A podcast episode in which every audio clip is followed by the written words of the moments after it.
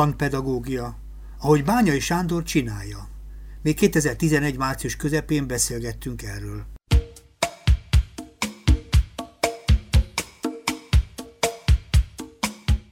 Jó estét kívánok, Szabó András vagyok a műsor vezetője, és sok szeretettel köszöntönek a stúdióban. Én is szeretettel és tisztelettel köszöntöm a hallgatókat, és köszönöm szépen a meghívást, András. Hát amit rólad lehet tudni, hogy kalandpedagógus vagy, meg esetleg a hallgatóknak egy támpont, hogy egy nyugtalan szem szakálba csomagolva ül itt velem szemben, de mit lehet róla igazából tudni? Mit mondanál magadról azoknak az embereknek, akik nem látnak téged, és az a titkos vezényszó, hogy kalandpedagógus. Ki vagy te? Hát, ha nem mint kalandpedagógus kell kezdeni, akkor azt mondom, hogy egy 47 éves férfi, nős, két neveletlen és gyönyörű gyermek, boldog és büszke édesapja. Gratulálok. Eredeti végzettségemre nézve tanító vagyok, és... Tanító, az általános iskolás tanító? Általános iskolás tanító az uh -huh. eredeti mhm. végzettségem, de én sohasem tanítottam meg egy osztályt írni és olvasni. Uh mhm. -huh. Tehát igazából tanítóként, klasszikus tanítóként sohasem dolgoztam.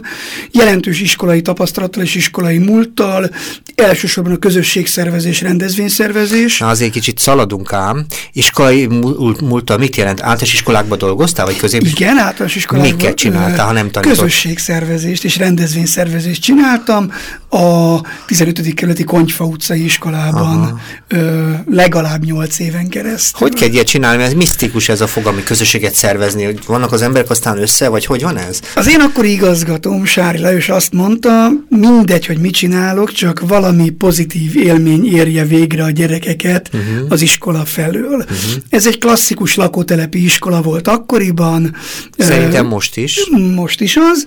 Akkor éppen, hogy túl a rendszerváltáson kerül kerültem én oda, kifejezetten szabadidőszervező, ez volt a státusz.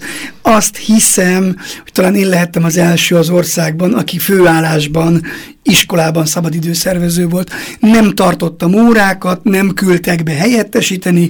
Nekem az volt a dolgom, hogy tanórán kívüli tevékenységet, ö, iskolai szabadidőt, nyári táborokat szervezzek. Ez akkoriban egy olyan 800-900 fős paneliskola volt, és egy, egy nagyon nyitott tantestület, uh -huh. akik nagyon kíváncsiak voltak az újra, ez mit jelent, hogy a tanárok is kíváncsiak voltak a rád, a többi kollégád? Tanárok kíváncsiak voltak minden új módszerre. Azt látták, Aha. hogy a korábbi módszerek abban a lakótelepi közegben, 1990-et írunk, nem működnek. Uh -huh. Azt látták, hogy a klasszikus frontális oktatás módszerei kudarcra vannak ítélve abban a posztszocialista lakótelepi környezetben, és egy nagyon erős iskolavezetői támogatást kaptak ehhez, időben, pénzben, hozzáállásban, technikában, mindenben támogatta az iskolavezetés. És akkor elkezdtünk rendezvényeket csinálni a gyerekeknek,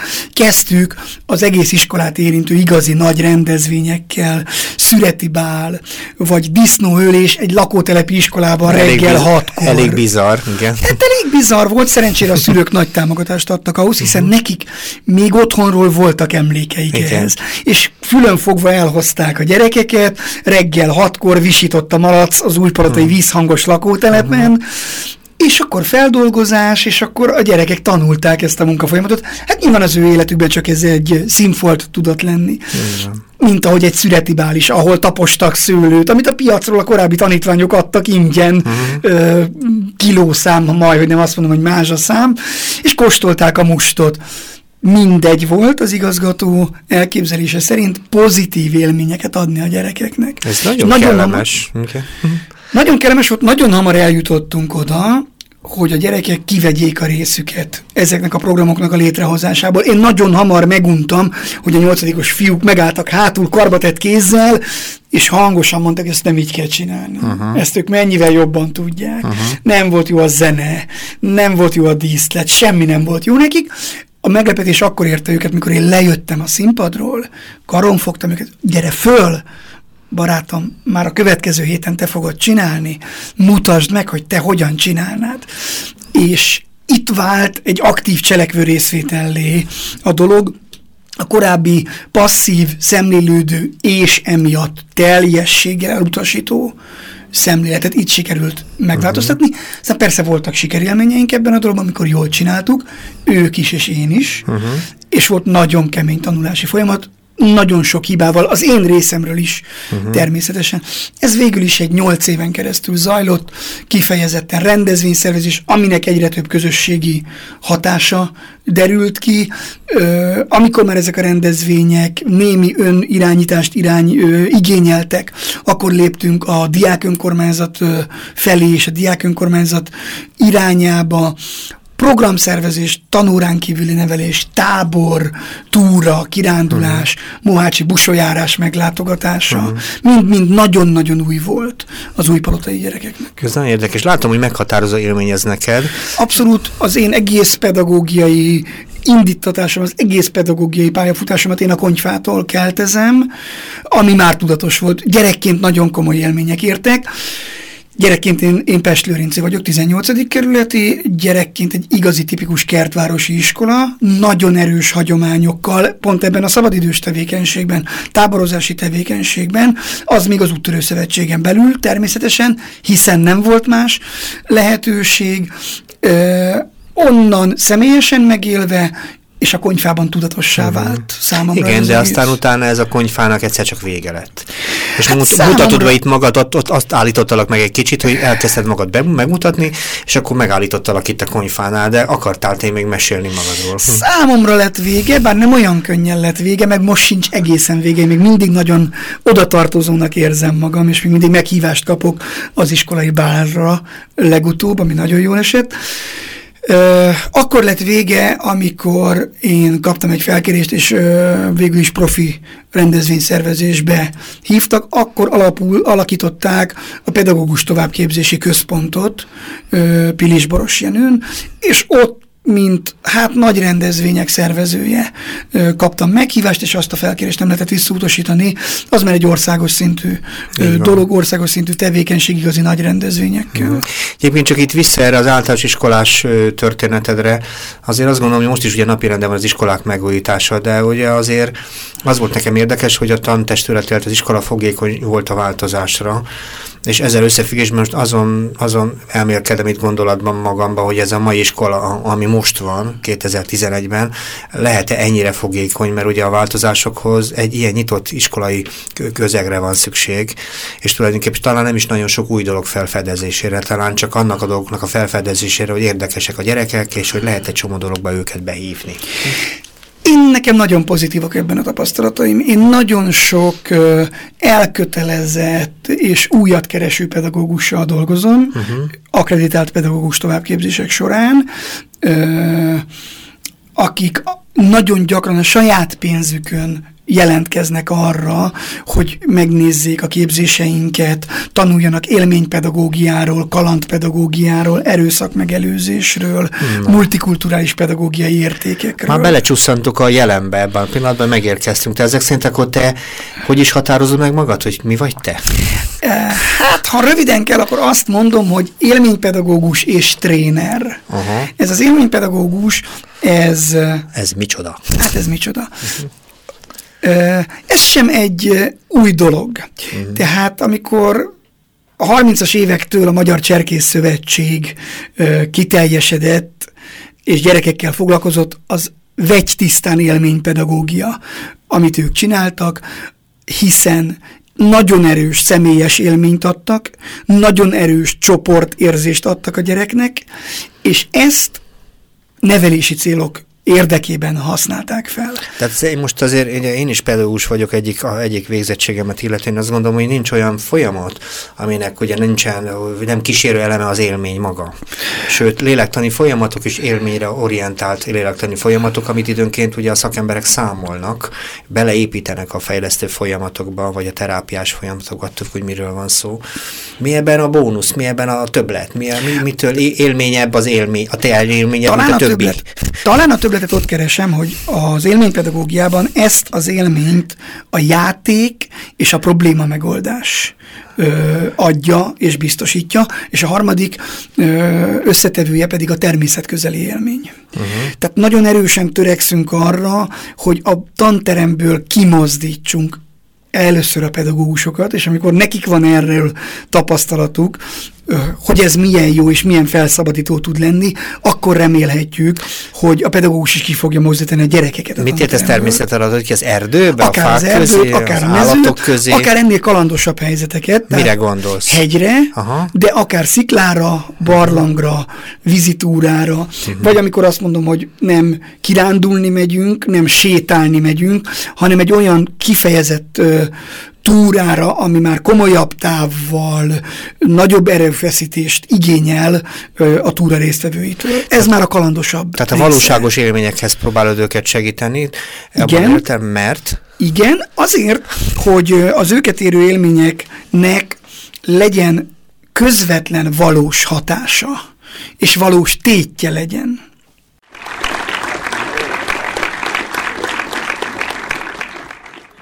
A Kapocsi Fűság Segítő Magazin 434. adásában Bányai Sándor kalandpedagógussal beszélgetünk, és tulajdonképpen a kezdésekről szed, kezdtünk el pár gondolatot összeszedni, hogy honnan indult, és ő tulajdonképpen egy új palotai iskolába kezdte az életpályáját, mégpedig egy olyan szabadidő szervezőként, ahol szabad kezet kapott, és olyat tehetett, ami, ami tulajdonképpen minden egyes szakembernek szerintem igazi álom, ha már maradunk a műfajban, azt tehet, amit akar, szabadon kibontakoztathat mindent, azt mondták neki a főnökök, hogy csak mindig pozitív legyen az egész dolog, és ez pozitív is lett, és egy izgalmas szabadidőszervezői folyamatról beszélt nyolc éven keresztül.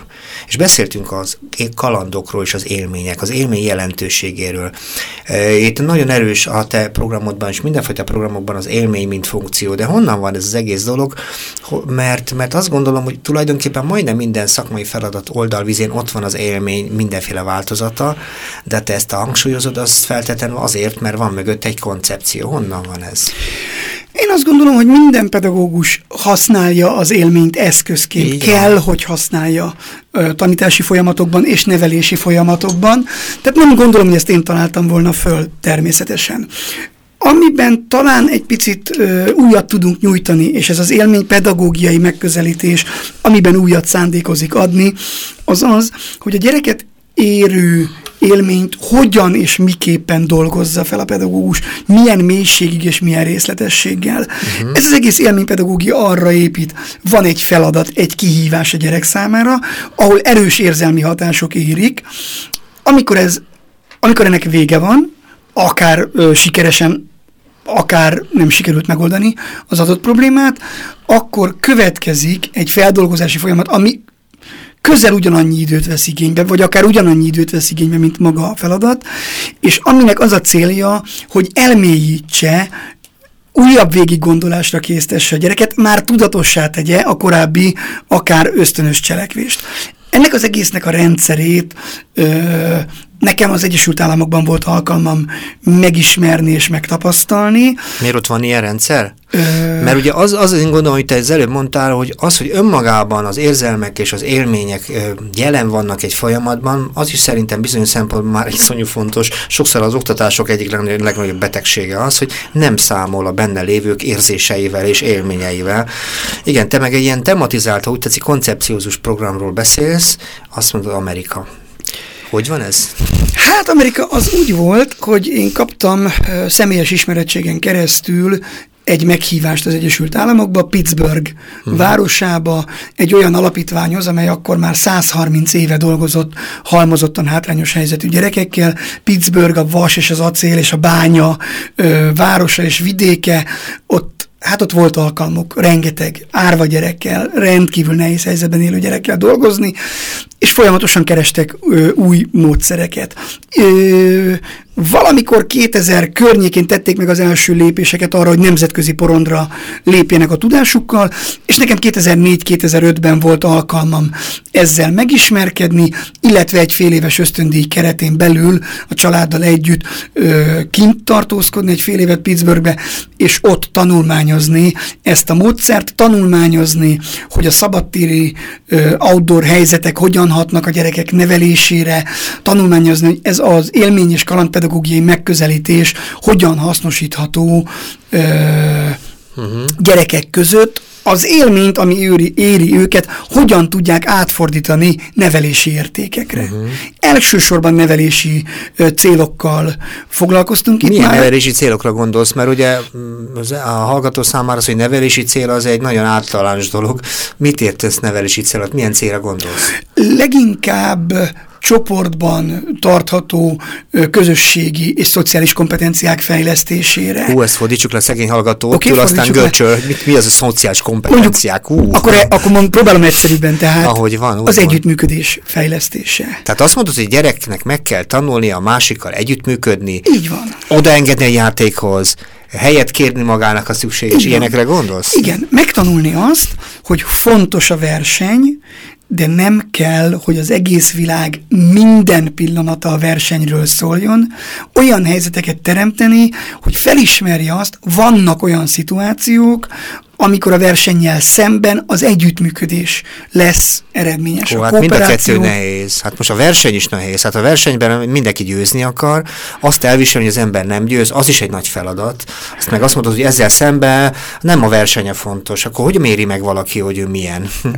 A csoport sikerességét méri. Ja, nem, nem egyénileg próbál, nem a többiek rovására próbál érvényesülni, nem valaki ellen küzd, uh-huh. hanem mondjuk egy közös sikerért tesznek meg mindent, akár úgy, hogy a másik ö, csoporttal sem versengve összehasonlítják ö, a tevékenységüket, hanem úgy felépíteni egy feladatsort vagy egy probléma megoldást, hogy ahhoz, hogy a végcélt elérjék, mind a két csoportnak maximálisan kell teljesíteni, mind a két csoportnak a saját területén kell a legtöbbet nyújtani, és a kettőből egyszerre kell egy pillanatban odaérni arra az adott helyre, egy időben oda tenni Én a két felet. értetlen hallgató vagyok. Tudsz erre egy példát mondani, mint hallgató, mert egy egyszerű szülőként is érdemes tudni, hogy az én gyerekemet hogy ne, egy, egy, egy, egy játékot. Mondj a, egy példát, igen, igen. Egy játékot most a hétvégén játszottuk ezt önkéntesekkel, uh-huh. ezt a játékot. A játék egy adott területen kell átkelni úgy, hogy senkinek a lába nem léphet ö, erre a területre. Ö, kólás rekeszek és pallók állnak rendelkezésbe. Ebből kell megépíteni a saját közlekedési eszközüket, egy 20 méteres távolságot kell áthidalni. Uh-huh. Ebben benne van a kreativitás, fel kell találni magukat, hogy hogyan ö, oldják meg. Benne van az erőforrások végessége. Ennyi darab kólásrekesz van, és ennyi palló. Uh-huh. Ha az egyik csapat elviszi az összeset, akkor a többi hozzákezdeni sem tud. De ez nem cél, hiszen a, a végpont, ahova egyszerre kell elérni három különböző úton a csapatnak, ott két másodpercen belül kell a három dobókockát egymás mellé állítani. Értem. Minden csapat egy kockát vihet magával. Uh-huh. Nem célom megelőzni a többieket, sőt, az a célom, hogy egyszerre érjünk oda, ezért megosztják egymással az erőforrást, megosztják az eszközt, nagyon figyelmesen haladnak előre, nehogy akadályozzák a másikat, hiszen szigorúak a feltételek, ha az egyik csapat hibázik, egy másik csapat is visszamegy a, cél, a kiindulási pontra. Ja, értem. Felelősséget kell vállalni a saját tevékenységünkkel azért, hogy a többiek se hiába dolgozzanak. Jó kis bonyolult játék ez azért. Bonyolult játékok ezek. Vannak természetesen sokkal egyszerűbbek, hiszen ezt a módszert óvodások között is használjuk, ott sokkal rövidebb időtartamban, sokkal egyszerűbb uh-huh. megfogalmazásokba, sokkal egyszerűbb feladatban. Ez a feladat, amit én elmondtam, ez nagyjából az egyetemi szint, uh-huh. ö, nagyon motivált önkéntesekkel. Azt mondtad, hogy Pittsburgh, és a Pittsburghből hoztál ezek szerint szerint egy munkamódszert. Egy munkamódszert és egy szemléletet. Igen. És játékokat. És úgy szálltam le a repülőgépről, hogy ez kell Magyarországon, és uh-huh. erre nyitottak lesznek a pedagógusok. Én korábban is foglalkoztam pedagógus továbbképzéssel akreditált ö, rendszerben, 30 órás képzések rendezvényszervezés témakörben. Uh-huh.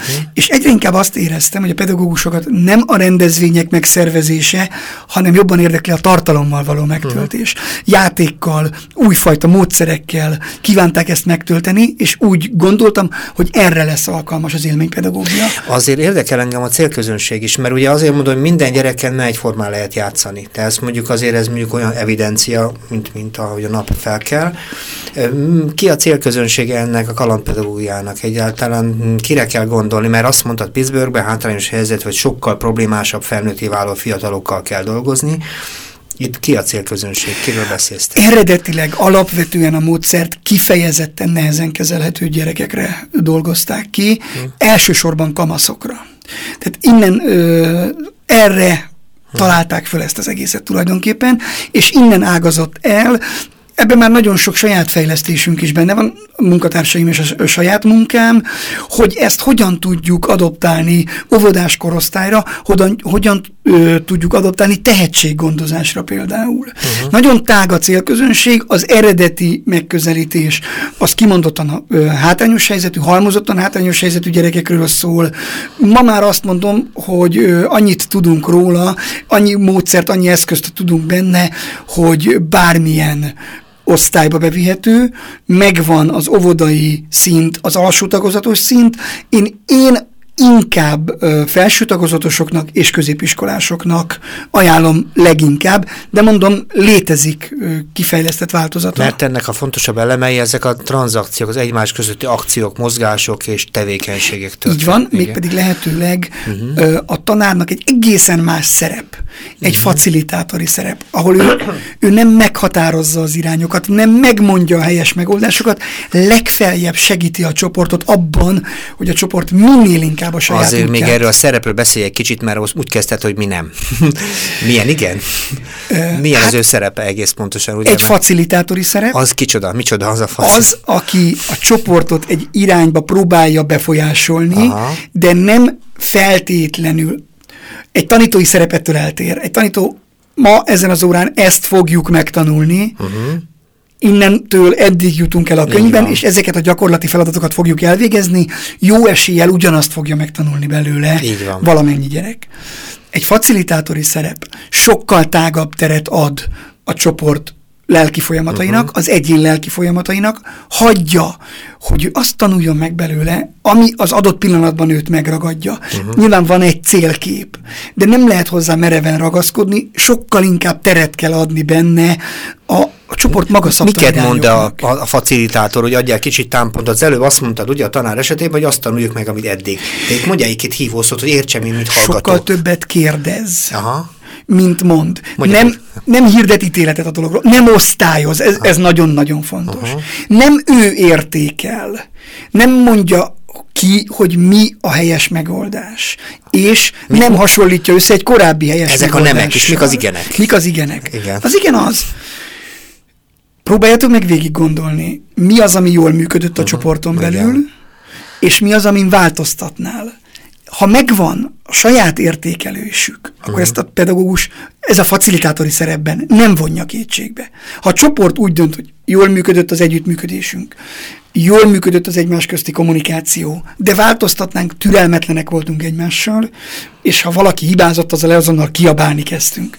Oké, okay, nézzük újból a feladatot, próbáljuk meg ezek ismeretében újból uh-huh. megoldani, de a megoldást a csoportnak kell saját véres verítékével kiizzadni. Oké. Okay.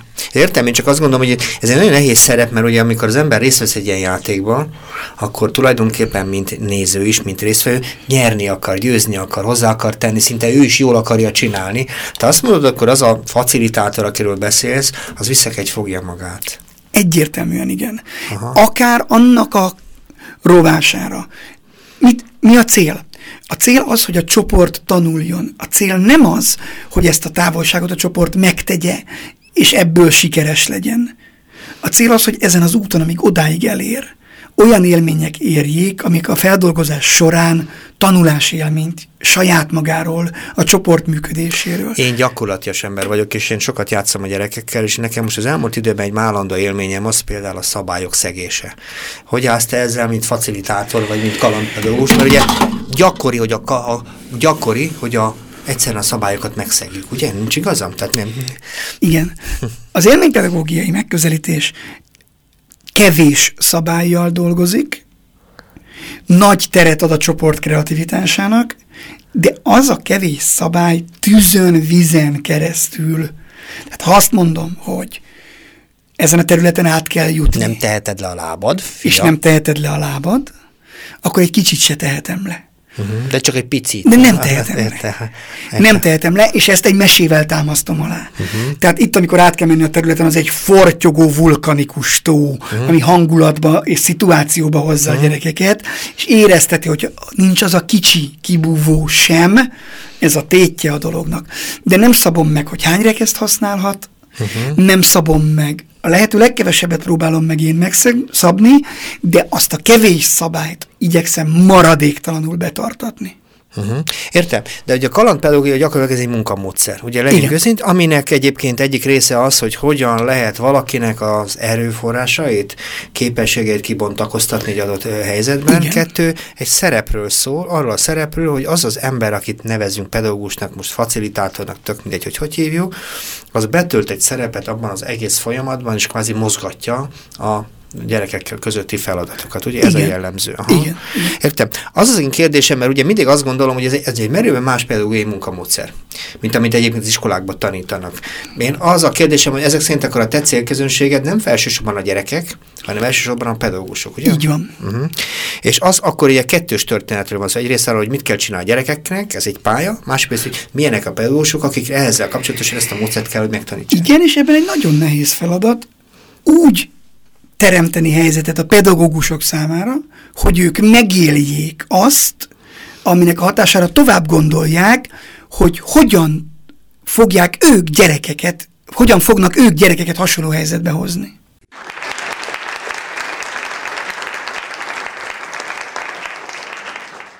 A Kapocs Ifjúság Segítő Magazin 434. adásában Bányai Sándor kalandpedagógussal beszélgetünk a kalandpedagógiáról és arról, hogy hogyan jutott el idáig, mert ugye egy fantasztikus, izgalmas alap volt számára az az iskola, ahol elkezdett 6-8 éven, 8 éven keresztül 8. ügyködni szabadidőpedagógusként, és szabad kezet kapott majd. Találkozhatott talán egy ösztöndi segítségével, ennek egy igazi gyakorló terepével Amerikában, Pittsburghben, és valahogy kicsontosodott számára egy munkamódszer, amit mostanában gyakorlóként is mások számára hozzáférhetővé tesz. Az előző alkalmakkal pont arról beszélgettünk, hogy miről szól igazából az a kalandpedagógia, kinek mit jelent, a gyerekeknek és pedagógusoknak. És azt mondtad, hogy két célcsoportja van ennek a történetnek, egyrészt maga a konkrét gyerekekkel folytatott izgalmas játék, és látom, hogy szeretsz játszani, másrészt maguk a pedagógusok. Kikkel nehezebb? Szerintem a felnőttekkel egyértelműen Mert? nehezebb. Azért a kalandpedagógia arra törekszik, az alapvetése a komfort helyzetből való kimozdítás egy érzékeny helyzetet teremteni, amely helyzetben, tanulási zónában felnőtt és gyerek egyformán élesebb reakciók, felfokozott várakozás, erősebb aktivitás, fizikai és lelki aktivitás egyformán. A gyereket könnyebb ebbe a helyzetbe vinni, és többnyire jobban reagál rá. Uh-huh. A pedagógust sokszor nehéz. Akreditált pedagógus továbbképzésekben dolgozom. Sajnos nagyon sok továbbképzéssel találkoznak a pedagógusok, amely nem kívánja őket kimozdítani a komforthelyzetükből, hanem megteremti azt a légkört, előadó elől áll, csendben vetít, hátul mindenki behozza a lemaradását, amit a naplóban az elmúlt hetekben nem tudott bepótolni. Vagy keresztületén fejt, hogy valamit mindenképpen csinál. De hasznosan tölti, dolgozatot javít, tehát Igen. hasznosan tölti az időt. Igen, fogjuk ilyen Na, pozitívan. Igen. Az én képzéseim, a mi képzéseink sajnos erre nem alkalmasak, mert föl kell állni, uh-huh. mert játszani kell, mert el kell mozdulni, és a következő pillanatban nem ugyanoda fog visszaülni, uh-huh. és nem a váltótársával lesz páros kapcsolatban folyamatosan, hanem percenként változó szituációkat teremtünk És közben ebben. nem lehet mobiltelefonálni sem biztos. És közben nem nagyon van idő sem a mobiltelefonra, és próbára tesszük a kommunikációs készségét, de próbára tesszük az ügyességét, próbára tesszük a türelmét, a mhm. következő játékban, akár a fizikai teljesítőképességnek is. Egy, mondhatom azt, hogy szokatlan szintjére eljutunk. Uh-huh. Nem könnyű. Nekem nagyon-nagyon sok pozitív tapasztalatom van pedagógusokról, akik vállalják ezt a kimozdulást, és ez biztosítja azt, hogy el fognak jutni oda, hogy ők maguk is ezt a kimozdulást a késztessék a tanítványaikat, a mhm. gyerekeket, az osztályközösségeket, uh-huh. amit én elengedhetetlenül szükségesnek tartok. Igen, pont erre gondoltam, amit te most mondtál nagyon finoman, hogy az, hogy valaki részt vesz egy ilyen programba, és egyefene még hajlamos a kosztümkabátot letenni, meg ugye a finomkodó zakócska, meg minden más helyet elkezd mozogni, és teszi a maga programnak megfelelő feladatait, az nem jár automatikusan azzal, hogy aztán visszamegy az iskolába, és azt fogja alkalmazni. Tehát az az én kérdésem, hogy azért jó-jó, ezek nagyon klassz dolgok, és én azt tanultam mérei tanár úton szabadon, hogy a számára, a számára az a pedagógus, most egy kicsit sarkítok, aki négy kézlábra áll, és ugatni is próbál a gyerekekkel, és ez tulajdonképpen számára hitelesebb is, mint bárki más. Most ez a sarkításait azt mondom, hogy meg, megérkezik-e ez az ugatás az iskolában, megérkezik -e ez a játék, tehát megérkezik-e ez a fajta szerep, amiről te beszélsz. Nagyon sokszor igen, uh-huh. és sajnos túl sokszor nem. Uh-huh. Nagyon sokszor találkoztam olyan motivált pedagógusokkal, akik a képzésen örömmel sajátították el ezt a módszert, és próbálták ki ezt a módszert. Ha ehhez nem kapnak támogatást, akkor, akkor nagyon nehéz helyzetben vannak. Nagyon nehéz becsukni az osztályajtót, és használni ezt a módszert hosszú távon és folyamatában, anélkül, hogy a velem együtt dolgozó kollégák ne ismernék szintén, ne használnák szintén.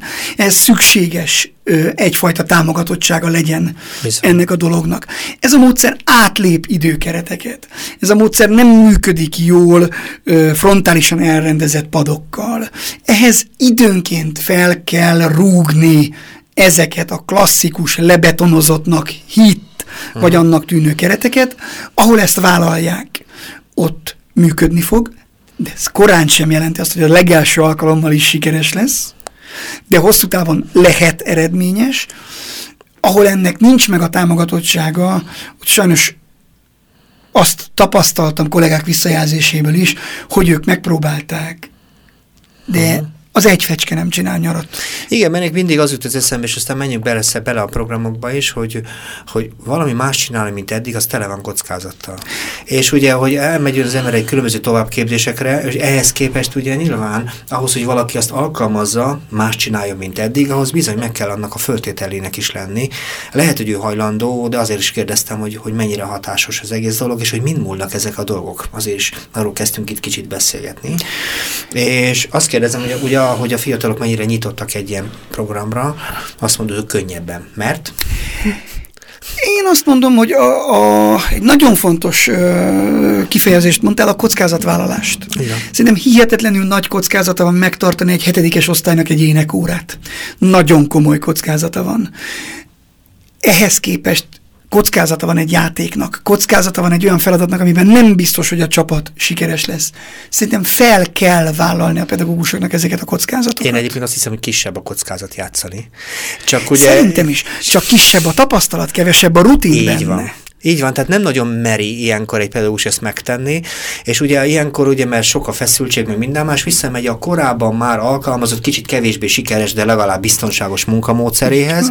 Ugyanakkor azt mondod, hogy te egy olyan alternatívát kínálsz, ami tulajdonképpen más kell csinálni, talán zajosabb is egy bizonyos szempontból a közeg, de sokkal, sokkal, sokkal jobban lehet együttműködni a gyerekekkel, sokkal jobb érzéssel lehet utána befejezni a végén, ugye, mert mindenki jól érezte magát, élmény volt, együttes élmény, ugye?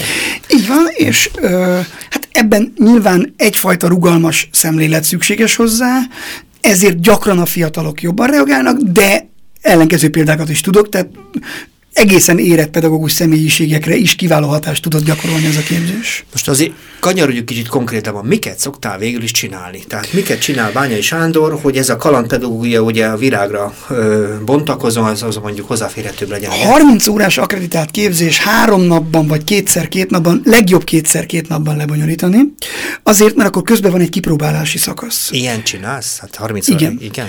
Hm. Kétszer két napban az első két nap arról szól, hogy minden résztvevő pedagógus kapjon egy erős személyes élményt a hm. játékról. Ez egy felépített folyamat, kezdődik egyszerű ismerkedési játékokkal, haladunk tovább kommunikációs játékok felé, uh-huh. de még, még mindig azért ez betartja a fokozatosság elvét, törekszünk arra, hogy ezek még könnyen vehetőek legyenek jöjjenek velünk, induljanak el, hmm. lépjenek ki kommunikációs korlátokból, beszéljenek azzal, akivel bár egy tantestületben dolgoznak, de fél éve nem volt alkalmuk sem uh-huh. erre. Innen haladunk az első probléma megoldó szituációk felé. Olyan probléma megoldó szituáció, ami egyelőre csupán kommunikáció útján Mondj egy példát, megoldódik. mert ez egy... Mondok egy nagyon egyszerű példát. Két elvont szót használt a probléma megoldás meg a kommunikáció. Na mi ez? Egy nagyon egyszerű példát. 52 kártyalap, egy francia kártya összekeverve. Uh-huh. Négy csoportban dolgozunk. A cél emelkedő számsorrendben lerakni a földre a lapokat a lehető leggyorsabban. Nincs verseny, együttműködni kell a négy csoportnak, az 52. lap megérkezése jelenti a feladat sikeres végét. Nem kell nekem hamarabb kész lenni, mint a többieknek. Próbálják segíteni egymás munkáját.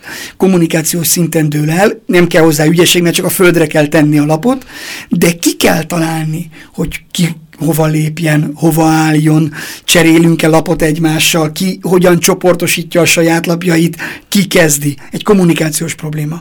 Amikor felismerik, akkor törekszenek arra, hogy ezt megoldják, kitalálják. De ez még a kommunikációs szint.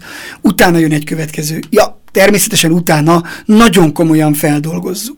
Meg is beszéljük. Meg is beszéljük. Hogy te Minden... mit mondtál, miért így csináltad, miért úgy. Így van, jó. hogyan láttátok egymást. Hogyan láttátok a csoport teljesítményét, és ez több lépcsőben történik, három-négy kísérlettel bámulatosan le tudjuk vinni. Először lehet, hogy egy perc is kell hozzá, a végén már 11 néhány másodperc alatt lerakják, és ad egy sikerélményt is. Uh-huh. Nem feltétlenül a sikerélmény a cél. Tehát az út, amin eljutnak oda, és az, az elemzés során ezt a utat fel tudjuk tárni, hogy megmutassák.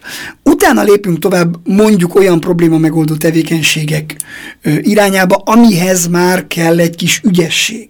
Nem elég kitalálni, hanem meg is kell tudni csinálni türelmesen, ügyesen. Mondok példát, egy madzagokból álló hurokrendszer, közepén lóg egy mágnes, és azzal a mágnessel kell összeszedegetni egy elkerített részről kicsi halacskákat, aminek szintén mágnes egyik oldalán. Uh-huh.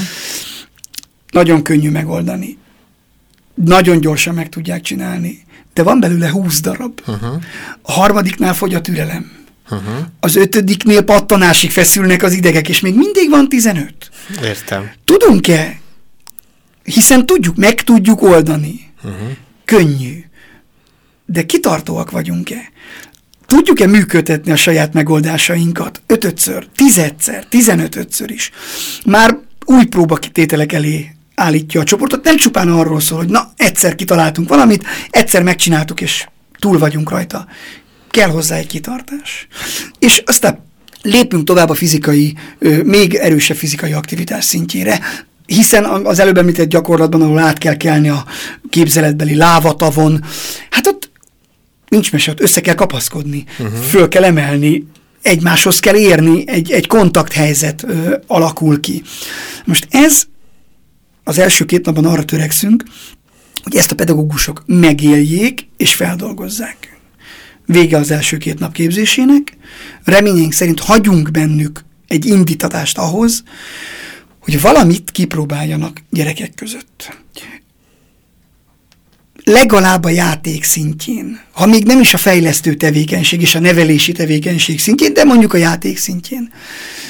Eltelik két hét a két alkalom között, ez alatt a pedagógusok jelentős része tényleg kipróbálja. Igyekszünk, nagyon egyszerű. Miket például? Csak egyet azért. Hát ezt a kártyalap lerakós ja, játékot. értem, hogy nézzük meg, hogy csinálják. Igyekszünk ők, olyan játékokat adni, Egyszerűeket. ami nagyon egyszerű, kevés uh-huh. eszközzel is működik kipróbálják. Az egyik lehetőség, hogy működik. Ez ad egy motivációt a pedagógusnak. Akarom érteni, de miért működött? Akarom reprodukálni ezt a helyzetet. Uh-huh. A másik lehetőség, hogy nem működik. De miért nem? Uh-huh. Nekem miért működött, és neki miért nem? Ez is egyfajta motivációt teremt, meg akarja ismerni jobban. Tehát így próbáljuk felkelteni az érdeklődését. És a második két nap pedig arról szól, hogy kidolgozzuk, kicsit belemerüljünk ezekbe a facilitálási technikákba, belemerüljünk az értékelés ö, feldolgozás technikájába, hiszen újat kell tanulni, nem dolgozatjavításról van szó. Mi az értékelés feldolgozás, azt is fordíts le már. Egy-egy játékot hogyan kell értékelni? Hogyan tudjuk úgy feldolgozni, hogy minél inkább hm. a történtek, uh-huh azok minden vonatkozása felszínre kerüljön, hogy megszólaljanak a gyerekek, hogy elmondják a véleményüket, ehhez irányított kérdéseket használunk, de de nem fel, a gyerek el is térhet a kérdésektől, természetesen. Tehát lehet, hogy én felteszek egy kérdést, az én kérdésem az, milyennek ítélt a csoporton belüli együttműködést. Ő pedig arról kezd beszélni, hogy a tervezés során őt nem hagyták szóhoz jutni. Igen. Letorkolták, és ezért vált ő passzívvá nem pont arról szól, de meg tudjuk teremteni az összekötetést. Értem. Tehát, hogy itt is lehessen ilyen szempontból kihozni a legjobbat. Így van. Aha. És a leghatékonyabban tudjuk használni. És ez a két kulcseleme gyakorlatilag egy ilyen képzésnek. Tehát mondjuk csinálsz, csináltok képzést. Aztán mi van még? Hogy ezt a módszert használjuk ö, több dologra is. Elsősorban szociális kompetenciafejlesztés, csapatépítés, közösségfejlesztés. A szociális kompetenciafejlesztés, az fordíts le megint magyarra, mert szegény, szegény hallgató nem tudja.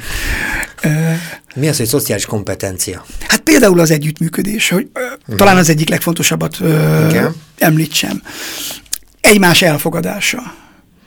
De ugyanígy szociális kompetencia az, az is, hogy tudjon háttérbe lépni. Hogy nem mindig, minden esetben ő akarja megoldani egyedül a feladatot. Oda engedje a többieket is. Értem, mások feszültségét tiszteletben tudja tartani. Így van. Ne sértődjön meg, ha nem muszáj. És nes, így van. Ezeknek, a fejlesztésére ah, kiválóan alkalmas. De ezt a módszert mi használatba beültetve megtapasztaltuk, hogy hogyan használható kifejezetten tehetséggondozásra, hogyan használható ezek a módszerek egy picit a tanórai alkalmazás felé elmozdítva. Én a tehetséggondozásos összefüggést egy kicsit mindig ilyen bátor belevonásnak tudom. Tehetséges gyerekek nem különböznek, mint bármilyen más gyerekek. Van egy-két olyan személyiségejük, amitől, amitől valószínűleg sokkal sikeresebben fognak érvényesülni, de egyébként nem különböznek a többi gyerektől, vagy rosszul látom? Egy, nem, egyetértünk benne.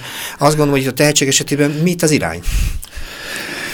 Az irány az, hogy új módszereket, új játékokat, új eszközöket vonjunk be, Igen. és ezzel adjunk lendületet azoknak is, akik bár tehetségesek, de lehet, hogy a klasszikus módszerekkel ez a tehetség nem került. Tehát nehezebben tudnak együttműködni, mert nagyon gyorsan vág az eszük, igen. és szét Mert két körrel az osztály előtt járnak, és az osztálytársaik előtt nem népszerűek, mert már, már nem szeretik azt, hogy ő mindig bekiabál, mert egy belső feszültsége van, azért, mert ő gyors, jól koncentrál, gyors a logikai képessége. Megteremtjük azt a helyzetet, ahol mondjuk az ő kommunikációját korlátozzuk. De ezt magára vállalta azt a szerepet. Mondjuk bekötjük a szemét, bekötjük a némaságra ítéljük, nem is kell bekötni a száját, uh-huh. ő vállalja ezt a szerepet. Aha. És már is megtanulja azt, hogy mi van, ha nem ő irányít. Igen, ez nagyon fontos egyébként, mert pontosan a tehetséggel együtt járó képességek érvényesítése csak akkor jó, hogyha valóban együttműködésre is képes valaki. Így van, ez nagyon fontos, amit mondasz. Na, mi van még? Figyelek. Hát megjelent a módszer a felsőoktatásban is. Az mit jelent? Tehát a felsőoktatásban alapképzésben oktatják a... Hát... Uh ez az, ez az első év, hogy így ezen a néven, hogy élménypedagógia, sőt kalandpedagógia megjelent, meghirdetett kurzusként az eltén egy 20 fős csoport jelentkezésével, ahol Hát valóban egyetemi szinten ö, zajlik ennek a módszernek a kipróbálása és tanítása. Uh-huh. Hallgatók nagyon komoly munkát végeznek abba, hogy egyrészt személyes élményük legyen, másrészt, hogy ezt folyamatosan transformálják arra, hogy ők tanítójelölként, ifjúságsegítőként, tanárjelöltként hogyan tudják majd használni. Azért nem akarok kavarni fogalmat, azt mondtad, hogy kalandpedagógia, eddig mindig élménypedagógiára beszél. Kalandpedagógia kettő között van-e valami, a, vagy egy szinonim, az egyik a másik? Némiképpen szinonima, Aha. azt mondanám, ha el kell választani, akkor élménypedagógiának mondanám a játékosabb Részét. formáját, akár tantermi, uh-huh. akár uh, szabadtéri, és kalandnak mondanám azt, ami nagyobb fizikai kihívással jár, vagy, vagy mondjuk biztosítási eszközt igényel, mondjuk uh, példát, kötélpálya, itt ez a kötélpálya lehet, hogy csak 30 cm magasan van a földtől, Igen. de azért már kell hozzá egy fizikai ö, felkészítés is. Vagy, vagy a hallgatókat most, ö, ezeket a felsőoktatásban levő hallgatókat vinni fogom egy háromnapos expedícióra, Értem. ami már egy kimondottan nagy, hosszú távú, jelentős csomaggal történő túra. Ezt már inkább kalandpedagógiának merném nevezni. Értem, ahol már meg is kell próbálni magukat, így van. Okay. Igen, itt már a fizikai ö, korlátaikat is kipróbálhatják, szabad téren alvással, saját önellátással, zsákukban a házuk, folyamatos költözéssel, tehát egy, egy igazán mhm. izgalmas kihívás. Igen, a városi embernek egyébként ez hihetetlen ö, sokat inspiráló ö, történet lehet, mert egyébként nagyon sok ember azzal, hogy hozzászokta, szokott a betonhoz, meg a hétköznapi műveletekhez, ilyen szempontból igazi próbatételek ezek a maguk. Ezért tartom nagyon fontosnak, hogy már a pedagógus képzésben megjelenjen, és hát persze a pedagógus továbbképzésben is jelen tud lenni. Uh mhm. -huh. Na, van-e még valami? Uh mhm. -huh. Mert úgy gondolom, fogy az idő, még azért nem maradjon ki semmi a te történetedből, mert az, hogy kalandpedagógia, az egy teljesen új felülete ma egyébként a, a reprodukciós folyamatoknak érdekel, hogy van-e még. Még egy terület, amin használjuk, az pedig az erőszak megelőzés. Na ez mit jelent? Ez azt jelenti, ugye társadalmi méretű jelenség az iskolai erőszak ö, megemelkedése, sajnálatos módon történő megelő, megemelkedése, erre egy lehetséges választ próbálunk adni, ezeken a személyes élményeken keresztül feldolgozott csoportfolyamatokat próbálunk megtanítani pedagógusoknak, hogy ők aztán ezt eszközként... Tehát magyarul, hogy nem kell görcsölni, játszani is lehet a gyerekekkel, az ilyen fiúkkal, lányokkal is, akiktől félnek. Így van, mert a játék egy biztonságos uh mhm. -huh. környezetet teremt, yeah. ahol megtanulja feldolgozni azokat a feszültségeket, akár azokat a kudarcokat, uh mhm. -huh. és megtanulja a társadalmilag elfogadott levezetési formákat. Hát így van, mert a játék az nagyon egyszerű dolog, a játék mindenkinek öröm örömet okoz, és tele van rengeteg együttműködés mellett élményekkel, így van? Reményeim szerint igen. Nagyon izgalmasokról, dolgokról beszélgettünk, és tulajdonképpen az igazság, hogy nem merek most új felületét kezdeni, azok mondom, hogy te ezt miért csináld azért egy mondatot azért? Mert ugye ez, ezt látom, hogy élvezed, de ez kifejezetten erről szól. Van-e valami személyes szempontod ebbe a dologban, mert valahogy mégis ebbe a programba maradtál? Van-e valami személyes? Ö, hát számomra ez a kimozdulás és a kihíváskeresés egy nagyon-nagyon fontos személyes élmény is, folyamatosan jelen van a munkámban, nem csak a munkámban, azt mondhatom, hogy az egész életemben jelen van. Amikor vasárnap délután kisüt a nap, akkor mi sziklát mászni megyünk a gyerekekkel. Uh-huh. Értem. Ami végülis nem más, mint sétálni egyet a plázában. Nekik már nem más. Értem. Neked meg kalandpedagógia. Nekem meg kaland is, meg pedagógia is, meg az élet. Uh -huh. Nagyon-nagyon szépen köszönöm a beszélgetést. Remélem hallgatóknak is érdekes volt nekem mindenképpen. Szeretném megköszönni Szigeti Marcinak is a technikai közreműködést, mert az is soka, sokat használ, és hallgassák továbbra is a civil rádiót, a civil rádióban következő műsorokat, így többek között a utánunk következő műsort, a Név és Ember programját, amit szerkeszt és vezet Pogány György. Viszont hallásra, szervusztok! Köszönöm szépen, viszont hallásra!